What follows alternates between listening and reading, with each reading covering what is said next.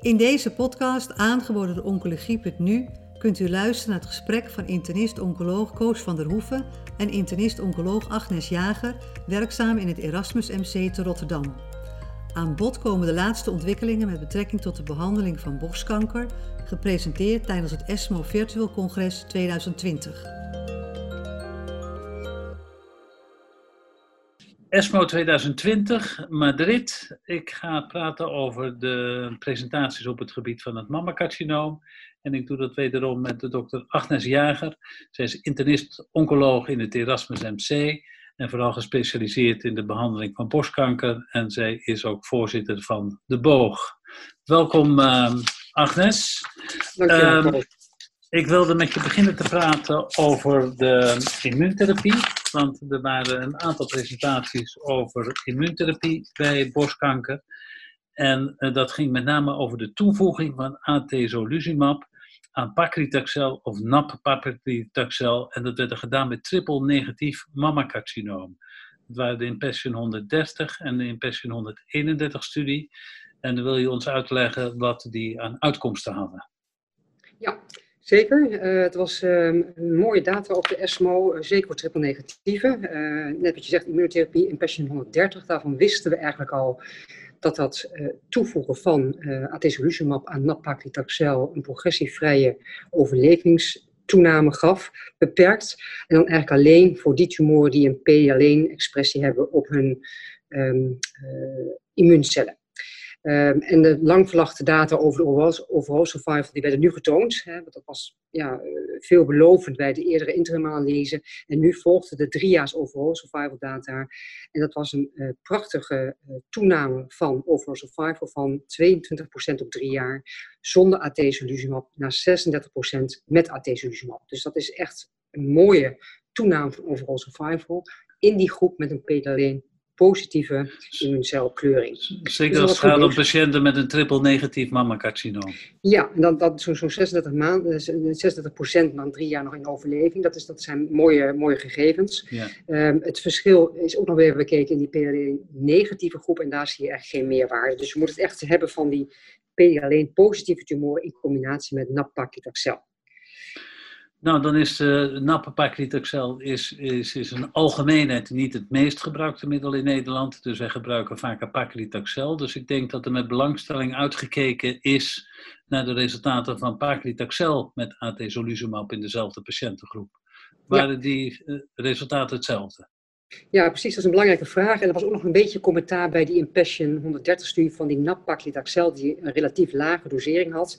Dus het idee was van, goh, kun je dat niet gewoon vervangen door onze bekende paclitaxel in het schema dag 1, 8, 15 in vier weken, in 80 of 90 milligram per vierkante meter. En dat was de Impassion uh, trial 131. Initieel is het opgezet met nab-paclitaxel in de, in de studie van de Impassion 130, omdat we graag die dexamethason achterwege willen laten. Maar we weten ook dat we met paclitaxel wel die dexamethason moeten geven. En dat gebeurt ook in deze studie. Dus eigenlijk is de Impassion 131 precies hetzelfde als 130 opgebouwd. In dit geval eerste lijn met paclitaxel alleen of gecombineerd met atezolizumab. Uh, en ook dat weer uh, gekeken naar primair uh, de hele groep, maar ook de PLN positieve. En wat daar wel een verrassende bevinding was, dat was een interimanalyse, bleek de PFS-data eigenlijk niet toenam, althans ja, 0,3 maanden, maar dan mogen we natuurlijk niet als een toename bespreken, nee. onder de PLN positieve, als je alleen taxol combineert met atezolizumab ten opzichte van atezolizumab, sorry, alleen ten opzichte van paclitaxel alleen. Dat was een teleurstellende bevinding. Ja, dus eigenlijk is de conclusie, uh, de, de winst van de immunotherapie, die werd alleen gezien wanneer je het combineert met nappe paclitaxel en niet als je het combineert met paclitaxel. Ja, dat is dan al een heel klein beetje te vroeg gekozen wat mij betreft, want het is natuurlijk nog een interim-analyse. Ze hebben toch ook weer, net als bij de vorige Impassion 130, al vervroegd naar de overall survival gekeken. En toen uh, was de schrik om hun hart, want uh, uiteindelijk bleek en leek het erop dat het zelfs slechter deed, de combinatie met atezolizumab. Um, en dat was eigenlijk een interim-analyse gepland, uh, die vorig jaar zijn data daarvoor moest sluiten. Dus ja, omdat dat wel heel erg veel verwarring zou geven, hebben ze toch ook nog met een recentere afkapwaarde, dat is in augustus geweest van dit jaar, gekeken hoe het nou zat, hè, met wat, wat mature, meer, meer gematureerde data. En dan blijkt dat er geen nadeel meer overblijft van het toevoegen van atezolizumab, maar helaas ook geen enkel voordeel. Dus um, ja, op basis van deze gegevens lijken er in ieder geval geen of een veel minder groot effect van het toevoegen van atezolizumab aan paclitaxel. Uh, en een belangrijke vraag is natuurlijk hoe dat kan. En waarom is deze studie nou negatief eigenlijk? Uh, ondanks dat het nog preliminaire data zijn. Uh, de studie gaat wel gewoon door ten opzichte van die Impassion 130. Ik Wat denk is jouw verklaring daarvoor? Ja, het is wel goed om daar een beetje over te speculeren. Ook al omdat we natuurlijk in Nederland de triple B-studie hebben lopen, die de combinatie met paclitaxel en atezolizumab doet. Ik denk dat deze Impassion 130, 31 op dit moment um, meegenomen moet worden in die analyse bij de triple B, om te kijken, kan die studie door of niet? Um, en dat, dat, dat gaat ook gebeuren, dat is al gaande. Um, het goede nieuws is dat er geen toename van toxiciteit is, maar een belangrijke vraag is, waarom is dat dan zo? Het kan zijn dat de dexamethason toch die belangrijke rol speelt. Ze waren echt 10 milligram um, dexamethason werd in het begin wel gegeven en later werd het wel minder, maar werd wel toegediend. Dus wie weet is dat het. Uh, de populaties zijn opvallend vergelijkend, uh, dus daar, kun, daar, kun, je eigenlijk het niet goed in vinden. Um, ja, het, het, opmerkelijk is wel dat, dat de percentages van Impassion 130 eh, daar alleen met paclitaxel behoorlijk matig zijn. Die, die, die data daarvoor de progressievrije overleving mediaan, die zijn ja, opvallend laag als je het vergelijkt met de paclitaxel-arm alleen in de Passion 131. Dus daar moet nog wel in de diepte naar gekeken worden. Vergelijken we wel de, de ware combinaties? Um, uh, ja, zit het dan daarin? Of is het gewoon de pech dat je nu toevallig een negatieve studie is? Overal denk ik te weinig aanwijzingen nu om daar uh, al te zeggen, het kan klakloos naar paclitaxel. We moeten de, de gematureerde data afwachten. We kunnen patiënten wat mij betreft nog steeds in de triple B behandelen, zolang daar um, die open is. Dan wordt heel kritisch gekeken. Mocht dat toch niet meer mogelijk zijn, dan zal het op de bericht... Voor de goede orde, de toxiciteit ervan, die valt mee. Hè? Want je wil niet graag patiënten nog in studies gaan includeren als je weet dat, die, dat de, de waarde waarschijnlijk beperkt zal zijn, maar de toxiciteit groot is. Dus qua toxiciteit is het verantwoord. Terecht punt. Eh, geen nieuwe toxiciteit en heel erg hanteerbare toxiciteit. Zeker nu we het middel atezolizumab steeds beter leren kennen. Dus op dit moment echt geen reden om te zeggen, um, we doen mensen daarin um, uh, dat, het, dat, dat het een gekke keuze zou zijn. Alleen daar is gewoon meer data nodig. En het zal wel heel fijn zijn als we toch met Paclitaxel kunnen uitkomen. Uh, Oké, okay, goed. Maar dat moeten we verder afwachten. Bij dat enthousiasme voor het toevoegen van atezolizumab komt altijd in welke setting moet je dat nou voorschrijven. En dan komt altijd aan de orde of je dat ook niet in de neo-adjuvante setting kan voorschrijven. En er was een studie die werd gepresenteerd over de combinatie van chemotherapie en atezolizumab als neo-adjuvante behandeling. Wat kan je daarover vertellen? Um, ja, terecht. Als je een positieve studie hebt, dan kun je kijken of je dat al vroeger kunt inzetten. En dit, uh, de Impassion 031, om het makkelijk te houden. Dat was een gerandomiseerde studie, neo-adjuvante chemotherapie alleen onder triple negatieve. Waarbij eigenlijk het schema van Impassion 130 werd aangehouden. Dus de combinatie NAP, paclitaxel plus of min atezolizumab. Waarbij dan hier de NAP paclitaxel in een hogere dosering werd gegeven, 125 milligram per vierkante meter. Gevolgd door uh, docens AC-kuur, zoals we dat goed kennen, dan de operatie. En dan kregen mensen ook nog maintenance um, atezolizumab als in die arm geloond waren. Het primaire eindpunt was een PCR, om te kijken of je dat eventueel kon verhogen door het toevoegen van uh, atezolizumab. En wat hier getoond werd, is bij een mediane follow-up van zo'n 20 maanden, werd de PCR-data getoond. En die was in dit geval gedefinieerd als zowel een pathologische complete remissie in de borst als in de oksel.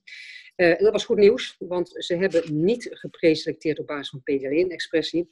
En dat toonde toch maar liefst zo'n 16% toename van je pathologische complete remissie, die van 40 naar ongeveer zo'n 58, 57, 58 procent gaat. Ja. Dus dat is prachtig nieuws, uh, zou ik denken. Um, wat natuurlijk belangrijk is, heeft die PLN nu wel of niet wat mee te maken? Dat hebben ze bekeken. En ja, dan is het weer opmerkelijk als je hier weer naar dezelfde manier van meten van die PDL-expressie en dezelfde definitie hanteert, meer dan 1% of 1% of meer op die immuuncellen, met dezelfde assay, dan blijkt in dit geval dat die PDL wel een prognostische maat heeft. Als je hem hebt, dan heb je een hogere kans op een PCR op basis van chemotherapie, al dan niet met immunotherapie. Maar het heeft eigenlijk geen predictieve waarde meer. Ja. En dat is dus wellicht heel mooi, want dan kun je alle uh, mensen met, met, met een triple negatief mammocarcinoom neoadjuvant daarmee behandelen. Maar je vraagt je wel af hoe het dan zit. Hè? Dus daar is nog wel aanvullende uh, data voor nodig. Daar heb ik in het bijzondere de langetermijnsdata zijn nodig. Ja, daar heb ik dadelijk nog een aanvullende vraag over. Maar dit, dit lijkt wel uh, van meerwaarde te zijn, maar ook hier moeten de studie nog wat rijper zijn om de definitieve conclusies aan te verbinden. Je hebt net PDL1 genoemd. Er is ook heel veel belangstelling voor de aanwezigheid van uh, tumorinfiltrerende lymfocyten in en rond de tumor bij mammacarcinoom. In hoeverre is deze factor nu van waarde bij de behandeling met immunotherapie van borstkanker? Ja, ja, een hele belangrijke, denk ik, uh, zoektocht naast het escaleren wat we hier allemaal zitten te doen, is te kijken, kunnen we ook de-escaleren? Kunnen we binnen die uh, groep van triple-negatieve borstkanker toch nog groepen identificeren die het buitengewoon goed doen, waarbij we misschien wel chemotherapie achterwege kunnen laten. En dat was een elegante studie die door Vincent de Jong van het uh, eh, NKIVL gepresenteerd werd. Dat deed hij echt prachtig. Wat zij gedaan hebben, is weer gebruik maken van de overgangsperiode in Nederland, waarbij we nog niet helemaal vastgesteld beleid hebben bij triple-negatieve borstkankerpatiënten met een N0-stadium. Daar werd destijds in Nederland een deel al wel met neoadjuvant of adjuvante chemotherapie behandeld en een andere deel niet. En hij heeft gekeken bij die vrouwen met dus een N0-stadium, 40 jaar of jonger, of ze daar een groep konden identificeren die een hele goede prognose had zonder chemotherapie eh, op basis van de TILS, de stromale TILS. Ehm, en dat ehm, hebben ze gevonden uh, in deze studie. Het was best een, een behoorlijk aantal. Uiteindelijk komen er zo'n 341 patiënten waarin ze de analyses doen. Um, en dan hebben ze de groepen ingedeeld in laag onder de 25% 25 tot 75% of boven de 75% Dat zijn bekende criteria die voor pathologen goed te onderscheiden zijn wat ze dan zien, uh, dat bij die groep die meer dan 75% TILS heeft, uh, in hun stromale uh, deel, tumordeel, dat hij maar liefst een, vijfjaars, nee, dat was een 13 jaar overall survival van 93% heeft. Enorm goed. Fantastisch. Ja. Het is dan ook nog wel 1 op de 5 die zoveel TILS heeft. Dus dat zou een prachtige groep zijn die we misschien in de toekomst ja. niet standaard chemotherapie kunnen geven. Ja. Nog net te vroeg, maar wel veelbelovend. Ja, interessant. Uh, en daar horen we vast en zeker nog meer over, maar het, het was weer een voorbeeld van uh, hoeveel waarde het heeft als je tumormateriaal in de vriezer uh, hebt. Want dit was een historisch cohort nog van de vorige eeuw, waar je dan op dit moment toch nog heel veel voordeel van kan doen. Ik wilde met je overstappen naar iets wat we de komende tijd eh, vaker zullen meemaken, is dat we eh, overwegen om patiënten te gaan behandelen. Patiënten met een uh, oestrogeenreceptor positief gemetastaseerd mammacarcinoom, met de combinatie van alpelisib en hormonale behandeling. En er was eigenlijk een korte update over de SOLAR 1 studie. Wat kan je daar nog ons over mededelen? Um, ja, de Solar 1 is denk ik bij de meeste mensen wel bekend. Dat is de studie die gekeken heeft naar de combinatie fulvestrant plus of min alpelisib. Dat is een specifieke um, alpha uh, PI3 inhibitor. Um, daar was de data al van bekend dat er een uh, mooie progressievrije winst was van 5,7 naar 11 maanden. Dus dat was al hartstikke fantastisch. En met uh, veel interesse werd uitgekeken naar de overall survival data en die werden nu getoond. Ja. Wat blijkt is dat die overall survival data zich niet laat uh, vertalen in een statistisch significant verschil. Maar ik denk toch wel in een klinisch relevant uh, meer uh, langere overall survival. Ik moet even spieken wat de aantallen waren, maar ze gingen van... Ehm, overall survival van 31 naar 39 maanden. Ja, ja, dat maar de hazard ratio die was niet zo heel erg hoog. Maar, nou, ja. 0,86. Um, ja. uh, kijk, het probleem is, heel veel mensen in deze groep hadden nog geen CDK4-6-remmer gehad. Dat is ook een eerdere kritiek geweest. Hè. Zo van, ja, kunnen we dat nou wel zomaar transleren naar de groep die wel CDK4-6-remmer hebben gehad? volgens mij hebben we in een eerdere podcast uh, Koos over gehad.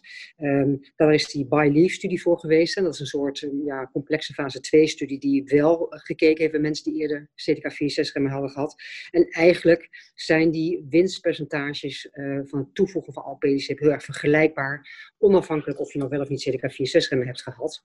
En pathofysiologisch is er ook best wel wat voor te zeggen om die middelen naar elkaar te kunnen gebruiken.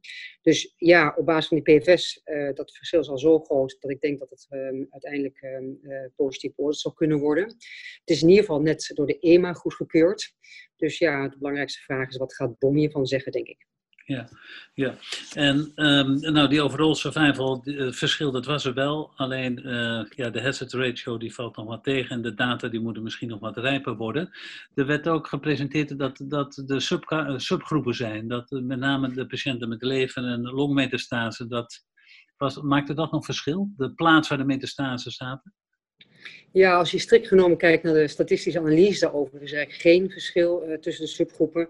Maar ze deden suggereren dat mensen met long- en levermetastase ten opzichte van mensen met alleen botmetastase uh, wellicht wat meer baat zouden hebben bij de combinatie. En dat gold ook voor die mensen die een ctDNA aantoonbaar hadden, ten opzichte van als dat niet zo was. Ja, dat zegt waarschijnlijk iets meer over de tumorload. Nou, dat zal dan weer iets kunnen zeggen dat als je het inzet, dat je misschien wat later inzet in de, in de behandelingslijn. omdat dat, ja, in die zin, het geeft ook wat meer toxiciteit dan dat CDK4-6-remmer. En later heb je natuurlijk vaak wat meer tumorload. Dus ja, misschien wordt het wel ergens de plaats na de CDK4-6-remmer. Het is in ieder geval een middel dat we op heel korte termijn ook in Nederland beschikbaar hebben. Dus we zullen het ook in de praktijk gaan toepassen. Er is nog wel een probleempje. Hoe identificeren we die patiënten? Ja, je bedoelt de, de mutatie, hoe die aan te tonen, bedoel je dat? Nou ja, in ieder geval um, hebben ze hier vrij breed naar de muta mutatiestatus gekeken. En uh, daar is bij mij weet nog niet heel veel over bekend, over allerlei subgroepen. In ieder geval heb ik die data nog niet kunnen uh, vinden. Um, dus ja, je kunt gewoon letterlijk doen wat, wat daar gedaan is. Uh, op de exonen in plaats van een PCR-techniek dat doen. Um, ik hoop dat er nog meer data vrijkomt die daar misschien wat onderscheid in maakt. En dan is natuurlijk ook nog de vraag, ja, hoe gaan we dat bekostigen? Hè? zit dat allemaal al wel in, in, in de dot verdisconteerd? Ja, weten wij dat van onze Nederlandse patiënten? Nee, niet standaard. Uh, nee, nee, dat doet meten dus niet standaard. We moeten erover praten hoe we die patiënten het beste kunnen identificeren. Ik wil graag met je naar iets, iets weer heel nieuws. Er werd gesproken over een middel dat een hele moeilijke naam heeft. Het heet Sazituzumab govitecan. En er werd vergeleken met chemotherapie in een groep patiënten die al een hele lange voorbehandeling gehad had voor het gemetastaseerde mammacarcinoom dat uh, sazituzumab govitecan, dat is een antidrukconjugaat. Kan je er nog iets meer over vertellen wat het is? Want ik... Ja, dat is weer zo'n TDM1-achtig middel. Um, uh, inderdaad een antibody, um, wat in dit geval gericht is tegen TROP2. Het is bekend dat bij triple negatieve, waar natuurlijk heel veel dingen niet op zitten, maar wel wordt vaak TROP2 aangetoond. Dus dat is veelbelovend in die zin, ongeveer 80% komt dat voor. Um, en het chemotherapeuticum wat gekoppeld is aan deze antibody is het SN38. Uh, dat is eigenlijk de actieve metaboliet van de irinotecan. Um, en er waren fantastische fase 2 data en ik maakte me al zorgen omdat het zo lang duurde voordat nu eindelijk die fase 3 data bekend uh, zouden worden. Dat die misschien wel eens negatief zou kunnen zijn. Maar gelukkig, gelukkig is die studie um, daarvan positief. En uh, dat is fijn, want dat is voor die gemetastaseerde triple-negatieve borstkankerpatiënten uh, zou je zo graag meer willen doen. Dat dit echt een, um, een mooi resultaat is. Dus de data werden getoond van de, de gerandomiseerde fase 3-studie. Zoals gezegd, inderdaad minimaal twee lijnen behandeling en gemiddeld vier lijnen therapie uh, hadden deze mensen. Um, ja, en desalniettemin vinden ze een prachtige um, uh, toename van de PFS. En dan, ja, dan kun je zeggen, wat veel dan van 1,7 maanden naar 5,6 maanden? Maar dan moeten we bij deze groep echt wel heel erg blij mee zijn met een hazard ratio van 0,41. Ja. En qua toxiciteit was het goed te doen? Uh, ja, dat is natuurlijk altijd wel weer een andere discussie. Er is wel nieuwe toxiciteit. Het is een soort uh, maag-darmenzwaren hebben ze veel. Uh, diarree komt veel voor. En ook een soort acute krampaanval na de toediening. Dat zou goed te, te groeperen zijn met atropine. Maar dat zijn natuurlijk wel dingen waar je dan even serieus bij stil moet staan. Ja. aan de andere kant, diarree, dat weten we natuurlijk heel goed uit eerdere andere middelen. Dat, hoe we dat te lijf kunnen gaan. Dus ik verwacht eigenlijk niet het grootste probleem. Vermoeidheid wordt ook nog met een behoorlijk percentage gezien. Um, maar ik denk toch dat dit, omdat het echt een hele gerichte therapie is, dat het heel veelbelovend zal zijn. Een veelbelovend middel. Je moet wel weten of een patiënt een TROP2 in de tumorcellen heeft. Het gaat voor triple-negatief mammacarcinoom. Maar het duurt nog eventjes voordat we het ter beschikking zullen krijgen. Ja, misschien wel iets toevoegen daarover, nu je dat zegt over die TROP2. Dit was een ongeselecteerde triple-negatieve groep. Die data is nog niet getoond. En tuurlijk willen we daar weer kijken of dat misschien een groep nog te selecteren is die er nog beter meer baat bij heeft. Uh, dat is één. Het andere is, zij hebben nu gekeken onder de patiënten zonder hersenmetastase. Maar in deze studie zitten ook mensen met hersenmetastase. Het is natuurlijk buitengewoon belangrijk om te kijken hoe dat is, omdat die mensen zo verdraaid vaak hersenmetastase hebben. Dus uh, vol verwachtingen wachten die vervolgdata af. Oké, dan tot slot wilde ik nog met je praten over de CDK4, CDK6-remmers. Tot nu toe deden we dat meestal over de gemetastaseerde setting, maar daarvan weten we inmiddels dat dat een, zijn plaats uh, gekregen heeft. We weten nog niet of dat het beste eerste lijn of tweede lijn is, maar het heeft een plaats. Er worden veel studies gedaan in de adjuvante setting. En er waren twee presentaties, één over palbociclip en één over abemaciclip in combinatie met de standaard uh, adjuvante hormonale therapie. Wat waren de resultaten daarvan tot nu toe? Ja, nou het mooie is dat we natuurlijk drie middelen hebben. En er zijn van al die drie middelen zijn weer, net zoals in de gemeenschappelijke setting, nu ook uh, in adjuvante setting die studies opgezet. En de eerste twee middelen, palbociclip en abemaciclip, konden nu hun data tonen. Eerder was eigenlijk al bekend dat de PALLAS-studie met, eh, met, sorry, met palbociclip negatief was. Uh, en wat die studie gedaan heeft, die heeft gekeken naar mensen met hormoonreceptor-positief mammocarcinoom, HER2-negatief mammocarcinoom, stadium 2-3, gerandomiseerd endocrine therapie versus endocrine therapie plus palbociclip gedurende twee jaar.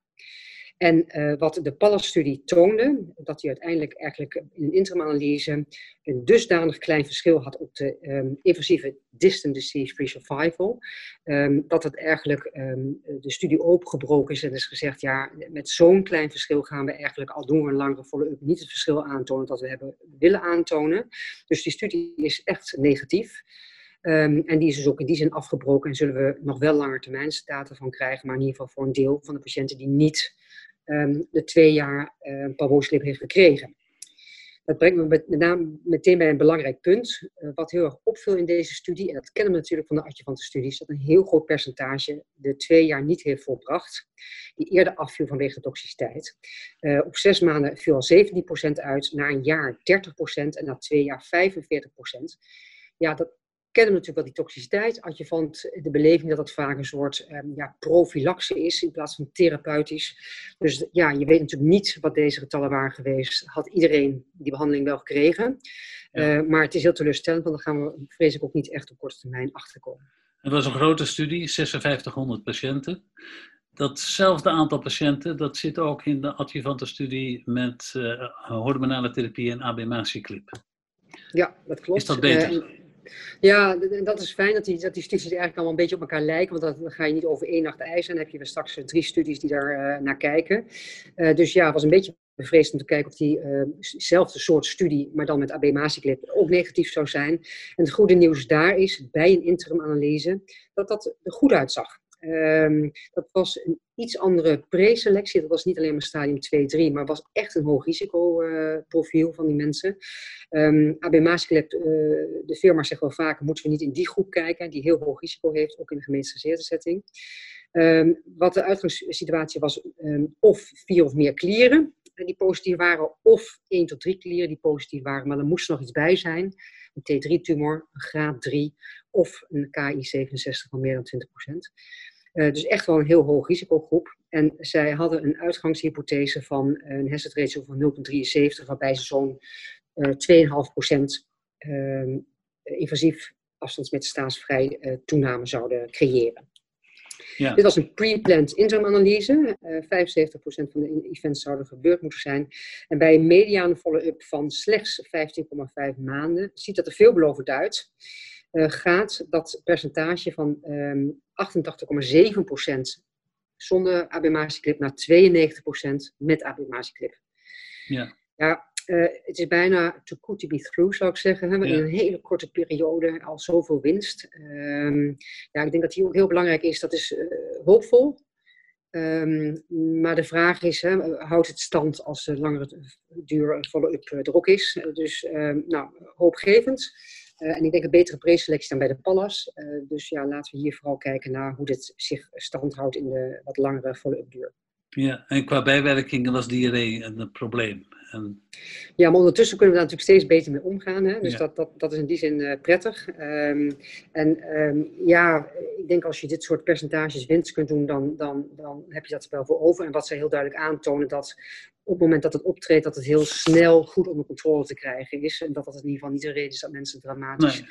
veel stoppen met deze medicatie. Dus het is een studie die in ieder geval de moeite waard is om naar de follow-up uit te kijken. En misschien dat het dat toch uiteindelijk minder mensen geeft met een gemeenteassocieerde ziekte. Ja, nou, ik denk dat we een hele mooie scala weer aan de nieuwe ontwikkeling op het gebied van mammacarcinoom met elkaar besproken hebben. Ik wil je hartelijk danken voor je bijdrage en graag tot de volgende keer. Dankjewel. Dankjewel, graag gedaan. Bent u geïnteresseerd in meer podcasts? Deze zijn te vinden op de website oncologie.nu.